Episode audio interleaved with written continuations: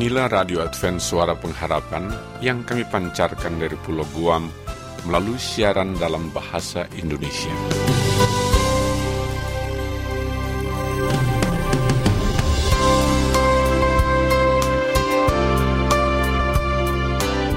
Salam sejahtera kami ucapkan kepada pendengar setia kami di mana pun Anda berada. Selamat berjumpa kembali dengan kami, Radio Advent Suara Pengharapan. Dengan senang hati kami akan menemani Anda dengan rangkaian acara yang telah kami persiapkan khusus bagi Anda sekeluarga. Harapan kami, semoga siaran ini dapat bermanfaat dan menjadi berkat bagi Anda semua.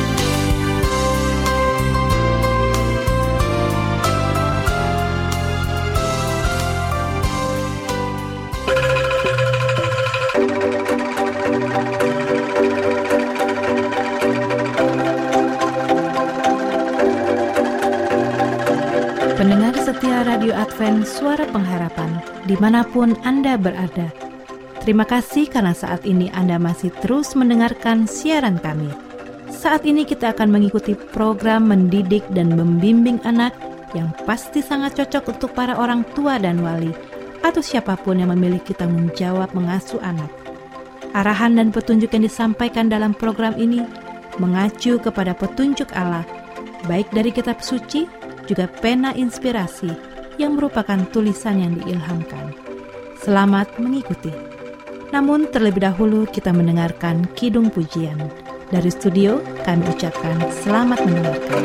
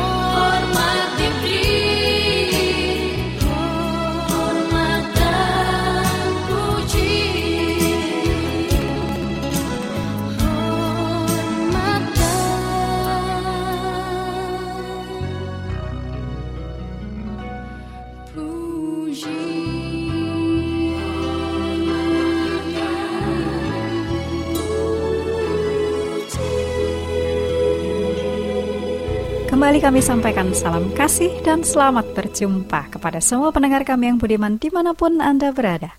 Saat ini kita puji Tuhan masih memiliki waktu untuk bertemu lewat udara dan saya yang bertugas Ayura akan dengan senang hati bersama dengan Anda semua untuk melanjutkan topik bahasan dari mendidik anak. Nah para ibu dan bapak dan para orang tua ya, juga siapa pun yang saat ini bersama dengan kami, kita akan terperanjat terkejut kalau tiba-tiba ada kata-kata kasar yang muncul dari mulut anak-anak kecil kita yang masih mungil ini ya. Aduh, kalau si kecil tiba-tiba berkata kasar, bahkan mungkin perkataannya adalah jorok. Aduh, itu bukan saja mengusik telinga tapi juga langsung memutar otak bagaimana ini cara menghentikannya. Aduh, memang para bapak ibu, anak-anak itu berkembang secara bertahap ya.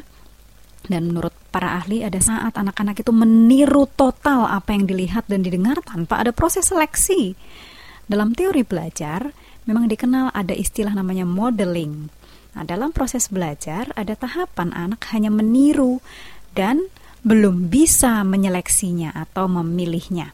Ini biasanya terjadi pada usia yang bagaimana? Pada usia prasekolah. Nah, pada tahapan ini anak-anak menjadi peniru. Apa yang dilihat bisa saja ditiru, yang ia dengar bisa saja dia ucapkan kembali tanpa ada suatu proses seleksi atau mungkin bahkan tidak dimengerti sama sekali ya. Dan ini biasanya muncul dalam berbagai macam peniruan. Padahal kan tidak semuanya boleh ditiru ya para Bapak Ibu. Tidak semua hal boleh ditiru oleh anak-anak.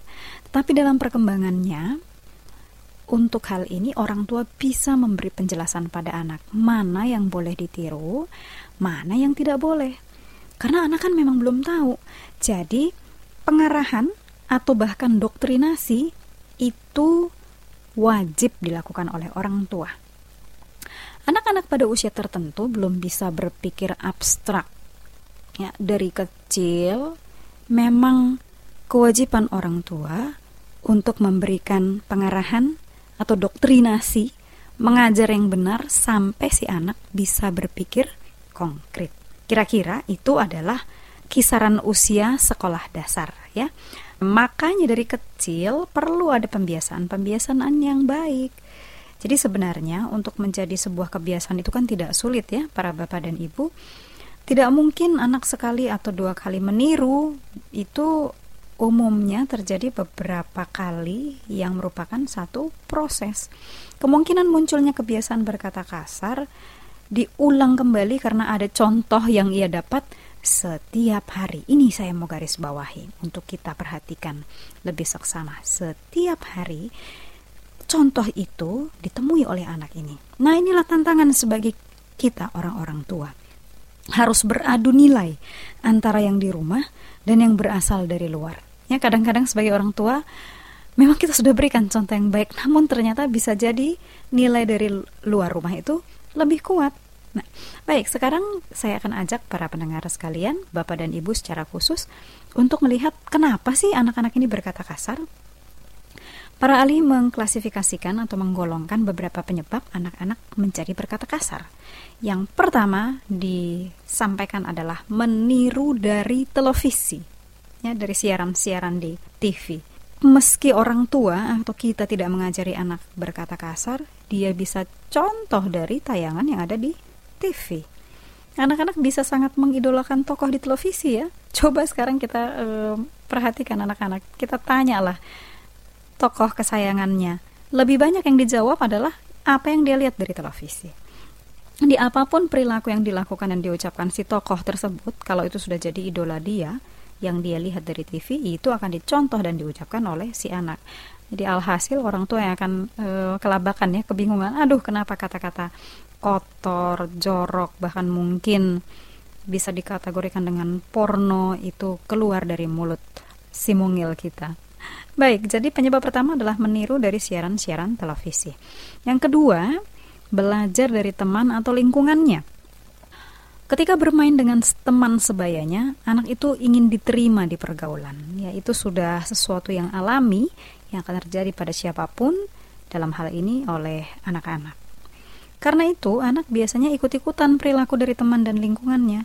Jadi yang disampaikan oleh temannya itu yang dia ucapkan juga. yang dilakukan oleh temannya itu juga yang dia lakukan sehingga kita bisa terbelalak, terperancat. Anak ini tidak pernah diajar demikian tapi kemudian itu yang ditampilkan ya, diucapkan atau dilakukan oleh anak-anak kita. Nah, itu tadi penyebab kedua. Sekarang adalah penyebab ketiga ingin diperhatikan. Nah, ini kalau melihat Anda atau orang tua marah lalu bila ia berkata kasar membuat ia senang ya. Jadi maksudnya demikian, anak ini kalau berkata kasar lalu orang tuanya kan jadi marah. Nah, itu membuat dia senang. Itu supaya memenuhi kebutuhannya diperhatikan. Kalau melihat reaksi yang ditampilkan oleh orang tua. Ini kita mesti analisa dengan baik supaya hal ini tidak dilanjutkan karena ini adalah bukan cara untuk mendapatkan perhatian yang tepat. Dan kita juga mesti koreksi diri sebagai orang tua. Apakah perhatian yang semestinya sudah diberikan kepada anak-anak? Karena kemudian dia mencari perhatian dengan mengucapkan kata-kata yang kasar atau yang kotor. Penyebab yang berikut adalah meniru orang dewasa. Ya, Oke, kebiasaan anak-anak yang suka meniru itu menjadikan dia meniru apa yang dilakukan oleh orang dewasa. Dengan ia meniru ucapan orang dewasa, ia merasa telah menjadi dewasa. Jadi para bapak dan ibu serta pendengar kami sekalian, empat penyebab anak-anak berkata kasar ini selain kita perlu ketahui juga kita perlu waspadai dengan baik ya. Jadi meniru dari TV, belajar dari teman atau lingkungan dan dua yang terakhir ini adalah e, kaitannya dengan orang dewasa. Yang pertama mencari perhatian yang ingin diperhatikan oleh orang tuanya atau orang dewasa dan kemudian meniru orang dewasa. Jadi kalau ayah dan ibu sebagai orang tua atau orang-orang dewasa di rumah biasa mengucapkan kata kotor lalu itu muncul dari mulut si mungil kita, itu adalah hasil bagaimana dia meniru. Oleh sebab itu, saya menghimbau para pendengar sekalian akan tetap bersama dengan Ruang Mendidik Anak karena pada pertemuan berikutnya kita akan sampaikan bagaimana cara mengatasinya ini ya. Jadi bagaimana cara mengatasi kalau ada kata-kata kasar keluar dari anak kita. Karena bukan hanya dari pihak anak saja ya yang harus diperbaiki, um, orang dewasa juga karena orang dewasa uh, sering ditiru oleh anak-anak tanpa dia harus menseleksi. Baik, untuk perjumpaan kita kali ini kita cukupkan sekian lebih dahulu karena waktu juga yang batasi kita. Terima kasih untuk perhatian Anda. Tetap bersama dengan acara dan program kami. Sampai bertemu pada kesempatan berikutnya. Tuhan memberkati kita semua.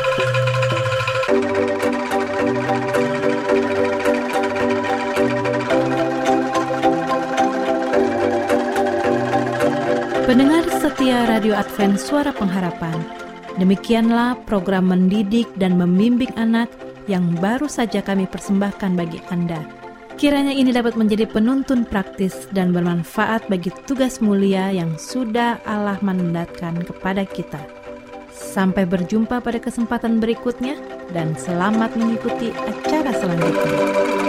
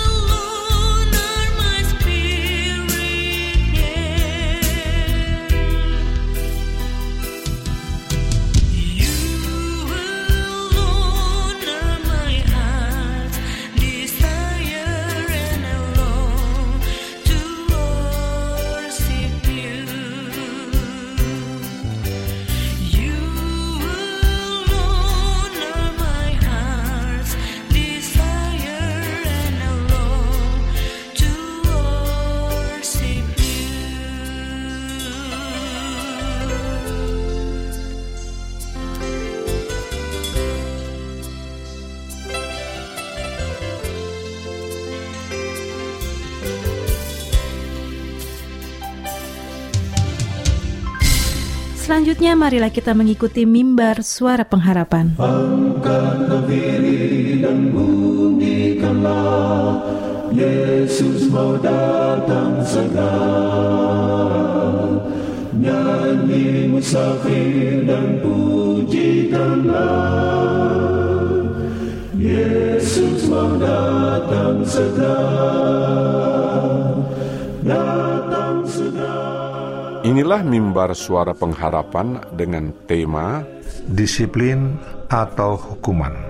Selamat mendengarkan. Bangsa marah itu tandanya Yesus mau datang segera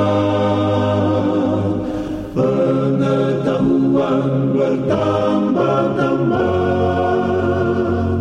Yesus mau datang segera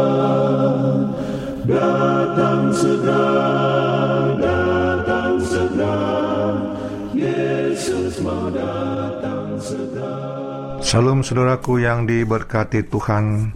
Kita bersyukur diberikan kesempatan untuk mendengarkan sabda Tuhan dalam acara Mimbar Suara Pengharapan bersama saya Pendeta Togar Simanjuntak dengan judul Disiplin atau Hukuman. Ya, saudara-saudara, kadangkala kita sebagai orang tua memberikan disiplin kepada anak kita seperti memberikan hukuman. Hukuman yang sangat berat. Seolah-olah anak itu sudah melakukan kesalahan yang sangat fatal. Nah, ini harus kita pelajari. Disiplin itu adalah mendidik anak itu supaya lebih baik, lebih mengerti akan kesalahannya, dan lebih mengerti akan makna apa disiplin itu bagi dia. Tapi kalau hukuman itu hanya sebagai satu pelampiasan atas kesalahan, menunjukkan bahwa anak itu salah, dan belum tentu ada unsur perbaikan atau didikan ke depannya. Tapi kalau disiplin itu adalah merupakan satu didikan ya untuk mendidikan nanti lebih baik. Dalam Ibrani 12 ayat 5 sampai 6 katakan, Hai anakku, janganlah anggap enteng didikan Tuhan, dan janganlah putus asa bila engkau diperingatkannya, dan ia menyesal orang diakunya sebagai anak. Ini satu nasihat yang luar biasa. Jadi Tuhan memberikan bagi kita pada anak-anak supaya jangan enteng pendidikan orang tua. Ya, pendidikan orang Tuhan dan jangan asa. Datang pada Tuhan. Kalau Tuhan memerintahkan, menasihati, mendidik, itu pasti hal yang sangat baik dan itu diberikan melalui orang tua. Saudaraku, ini adalah satu statement dari orang tua kepada anaknya. Ayah akan memukulmu hingga mata terbenam. Orang tua yang marah itu berteriak pada anak yang dianyai, yang mungkin melakukan kesalahan. Hukuman bermaksud melukai, melukai karena telah menimbulkan luka. Bila anak berkelakuan tidak pantas, kita mendisiplin. Disiplin mengkoreksi dan mengajar. Ya, dia koreksi, lalu memberikan pelajaran. Tetapi kalau hukuman itu mau sangat melukai dan menghancurkan si anak. Dan itu akan membuat anak itu jadi jadi rasa rendah diri merasa tidak punya perasaan, tidak punya kenyamanan. Ada seorang bapak tinggal di rumah kami. Ia adalah seorang yang kurang luas dengan wajah gembira, suatu sisi dan wajah sedih di sisi lainnya. Jadi seperti double personality. Sebagai sebuah objek yang ternetral, Pak, Pak katakan Pak X ini menerapkan koreksi dengan tujuan untuk menarik perhatian si anak dan mengkaitkan kesalahan dengan kepedihan. Saudaraku dikatakan Jangan pernah mendisiplin seorang anak bila Anda sedang bereaksi secara emosional dalam memarah terhadap kata-kata atau tingkah laku si anak. Jadi kalau Anda misalnya anak-anak itu sudah sangat lewat-lewat lalu Anda marah, hilang kontrol lalu emosi, pada saat itu jangan pernah sekali-sekali Anda itu mengadakan disiplin ataupun membuat hukuman kepada anak. Jangan, saudaraku. Itu akan jadi bias dan Anda tidak akan bisa mengontrol diri Anda nanti. Kalau Anda dalam keadaan emosi, maka yang terjadi adalah hukuman Anda berikan. Dan itu tidak akan bisa terkontrol. Tapi kalau Anda dalam keadaan masih bisa tenang, walaupun marah tapi bisa, tenang, maka yang terjadi bisa dilakukan adalah disiplin yang membangun anak tersebut. Bila orang tua menghukum karena marah, maka anaknya belajar bagaimana supaya tidak menimbulkan marah orang tua. Tidak belajar bagaimana memperbaiki diri ke depannya, tidak belajar bagaimana jangan mengulang kembali kesalahannya. Lalu menegur, pertama-tama untuk disiplin dipakai teguran. Pandangan untuk perkataan menegur mengarahkan kembali tingkah laku atau perkataan salah ke respon yang, yang benar. Teguran memberikan kesempatan kepada anak untuk melakukan koreksi. semua rasa malu karena kesalahan dilakukannya muncul. Jadi teguran anak itu juga mau perbaiki diri saudaraku. Dia mau pelajari. Dia mau pelajari dirinya supaya lebih baik ke depannya. Tapi sering orang tua menganggap anak itu sembrono, tidak tahu diri, atau merusak suasana. Jadi lalu tegur memberikan kesempatan melakukan itu untuk melakukan koreksi dirinya, ya. Karena juga punya rasa malu, saudaraku. Makanya jangan sembarang menegur anak depan orang banyak, ya. Karena dia rasa malu, dia akan malu Jangan permalukan dia saudaraku. Tapi kalau anda menegur dia, dia panggil dia. Biarlah saudara menegur secara pribadi. Ya, sehingga dia merasakan ada sentuhan kasih dalam dirinya. Karena anak itu juga, kalau dia permalukan, dia akan bertindak ekstrim. Ya, bagaimana mengimbangkan semalunya itu. Lalu katakan menghukum, bila teguran tidak berhasil, maka dipakai hukuman. Hukum menyatakan kepada umum suatu kesalahan dilakukan secara tersembunyi. Hukum menyatakan motivasi atau sikap yang salah di balik perkataan atau tingkah laku seorang anak. Hukum menjelaskan kesalahan dan mengajarkan yang benar. Nah, siswaku, kalau Anda berbicara menegur tidak bisa salah lagi, tingkatkan boleh menghukum. Tapi dalam hal hukuman ini, janganlah dengan emosi. Ya, tapi berikanlah itu sebagai satu bagian dari disiplin. Nah, dengan disiplin itu dia akan merasakan bahwa memang betul ini saya lakukan dan saya berhak Artinya wajib untuk menerima akibatnya. Wajib. Lalu menghajar Disiplin cara manis seperti memukul, pantat, isolasi, melarang pergi, pencabutan hak istimewa, dan menerapkan konsekuensi yang ditetapkan sebelum diperlukan. Bila teguran dan hukuman gagal untuk seorang bertobat, meskipun puluhan puluhan pukulan kepada syarat berterbatas terkendali dapat diterapkan, cara berhasil pada anak yang lebih kecil itu tidak dapat diterapkan dengan efektif karena anak-anak dengan usia di atas 6 tahun atau 7 tahun. Hasil tidak baik diperoleh dengan memberikan banyak uh, alasan setiap pencabutan hak istimewa tersebut. Disiplin secara sejasmani diterapkan dengan tu tujuan sekedar melukai ya anak untuk mematahkan semangat adalah aniaya. Jadi lupa disiplin Anda secara ajikannya secara jasmani aja jika sekedar meluka anak itu ataupun sekedar melepaskan rasa kecewaan kita sebagai orang tua atas tingkah lakunya itu maka katakan saudaraku akan merusak dan matahkan semangatnya hati-hati.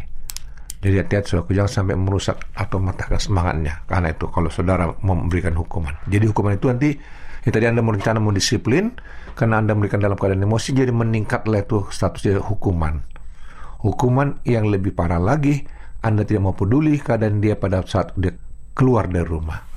Nah, jadi saudaraku, disiplin atau hukuman, dua-dua ini sebenarnya cukup baik dilakukan. Tapi hukuman menerapkan pada itu supaya dia bisa mandiri dan tidak perlu menunggu ada uh, uang lagu apa namanya, nggak perlu menunggu dia tuh bagaimana supaya anak itu bisa bertobat, berubah. Tidak perlu saudaraku. Tapi Anda ajak dia bagaimana memberikan disiplin yang baik, mengenal akan kesalahannya, bagaimana memperbaiki dirinya, bagaimana dia mau dekat kepada Anda.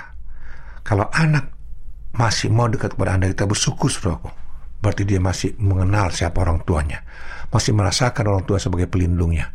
Nah, saudara, jika Anda saat ini merasa butuh didoakan atau perlu menyampaikan suatu pertanyaan, hubungi kami di tim pelayan member suara pengharapan. Dengan penuh sukacita kami akan selalu berdoa dan melayan Anda. Salam saudaraku, Tuhan berkati leduan harapan kita bersama.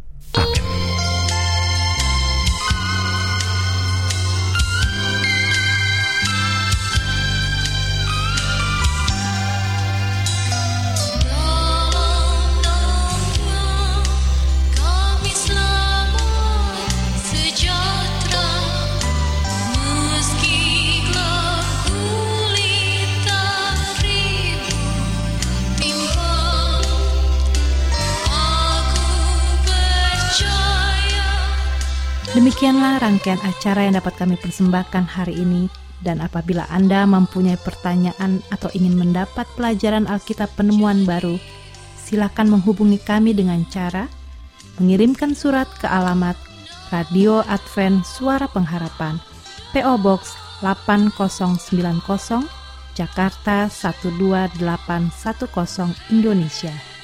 Telepon 0821 1061 1595. Alamat email awrindonesia@yahoo.co.id. Anda juga dapat bergabung di Facebook kami, pendengar Radio Advent Suara Pengharapan, juga Radio Advent Suara Pengharapan.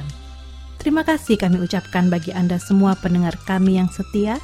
Kita akan berjumpa kembali pada waktu dan gelombang yang sama esok hari. Salam kasih dan sejahtera. Kiranya Tuhan memberkati kita semua.